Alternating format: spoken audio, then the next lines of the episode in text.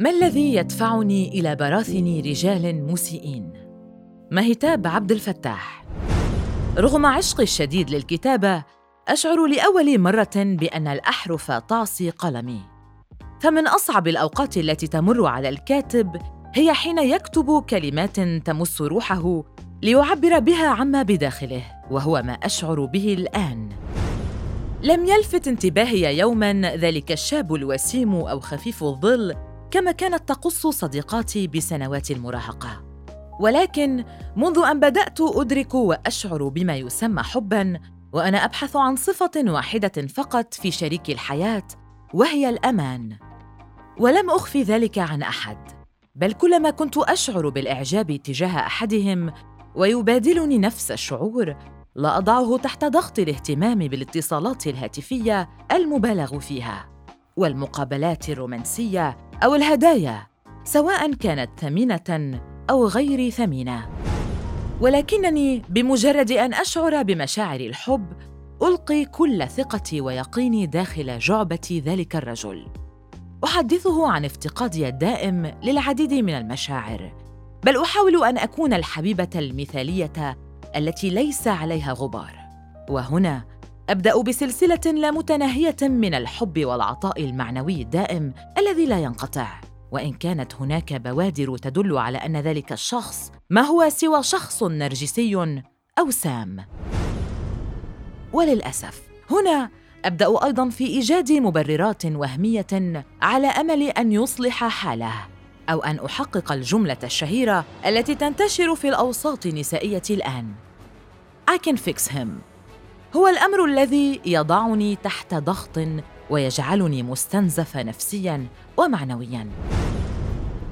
من أكثر الأمور التي تهلك الإنسان نفسيا هو الانجذاب العاطفي لنماذج أمثال الكاذب المضلل متعدد العلاقات النسائية ذي الكلام المعسول فقط ووعود تتبخر في الهواء.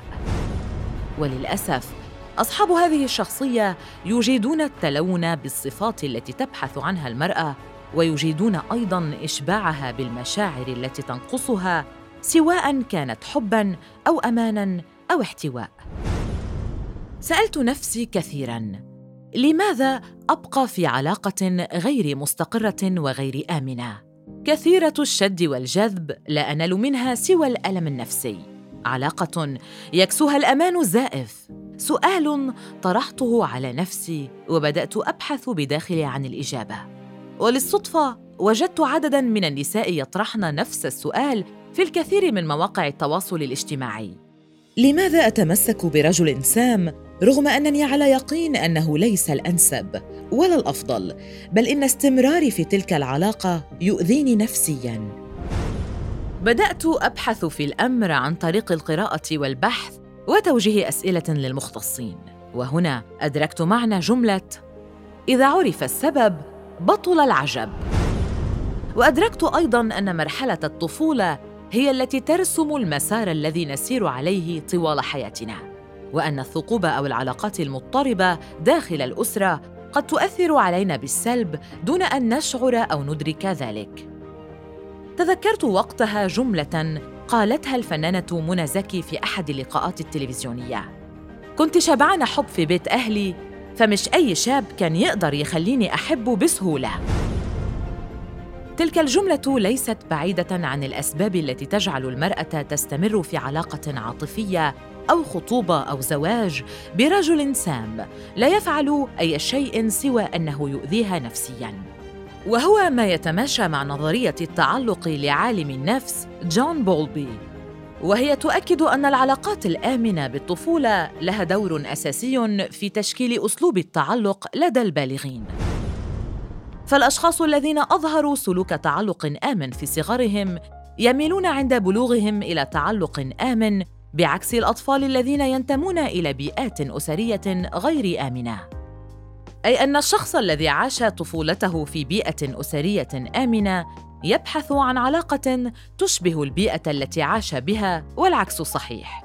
ولن أتحامل على والدي ووالدتي كثيرا. فأعترف بأنني عشت حياة كريمة للغاية من مسكن وملبس وتعليم وعلاج. حياة قد تحسدني عليها الأخريات. ولكن رغم ذلك كنت أشعر دائما أن هناك حلقة مفقودة. ربما هي احتواء أو تقصير في تعبيرهما عن حبهما لي.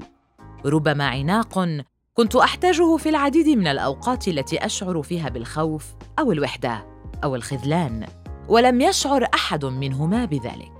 ربما خلافاتهما التي كانت تهديدا صريحا للأمان بالنسبة لطفلة لم تتخطى عشرة أعوام من عمرها والتي استمرت كثيرا. حتى الآن لم أستطع تحديد تلك الحلقة المفقودة ولكنها حلقة فارغة تترك بداخلي دوما افتقارا إلى الشعور بالأمان مما كان يدفعني إلى البحث عن أمان خارجي وإن كان امانا زائفا أو وعودا كاذبة بالإحتواء. إلا أنني أتعلق بها كثيرا وأخشى أن أفتقد الشخص الذي ينطق بها. أشعر وأنا أكتب الآن بمشاعر مختلطة وينتابني الشعور بالذنب تجاه والدي فأنا أكن لهما كل مشاعر الحب والتقدير. ولا أقصد بذلك المقال أن ألومهما. ولكنني أعتبر كلماتي دعوة الآباء والأمهات إلى تلبية احتياجات أبنائهم وبناتهم المعنوية قبل المادية قبل أن يكبروا ويشعروا بحالة من الجمود. نعم فالآن ورغم حبي الشديد لوالدي أشعر تجاههما بحالة من الجمود أو الاعتياد على الا أظهر مشاعر الاحتياج والضعف أو حتى الرغبة في عناقهما. إذا أصبح لدي أطفال فسوف أكون حريصة كل الحرص بأن أجعلهم شبعانين حب حتى لا يكونوا عرضة لشخص سام يوما ما. سوف ألبي احتياجاتهم المعنوية والعاطفية قبل المادية.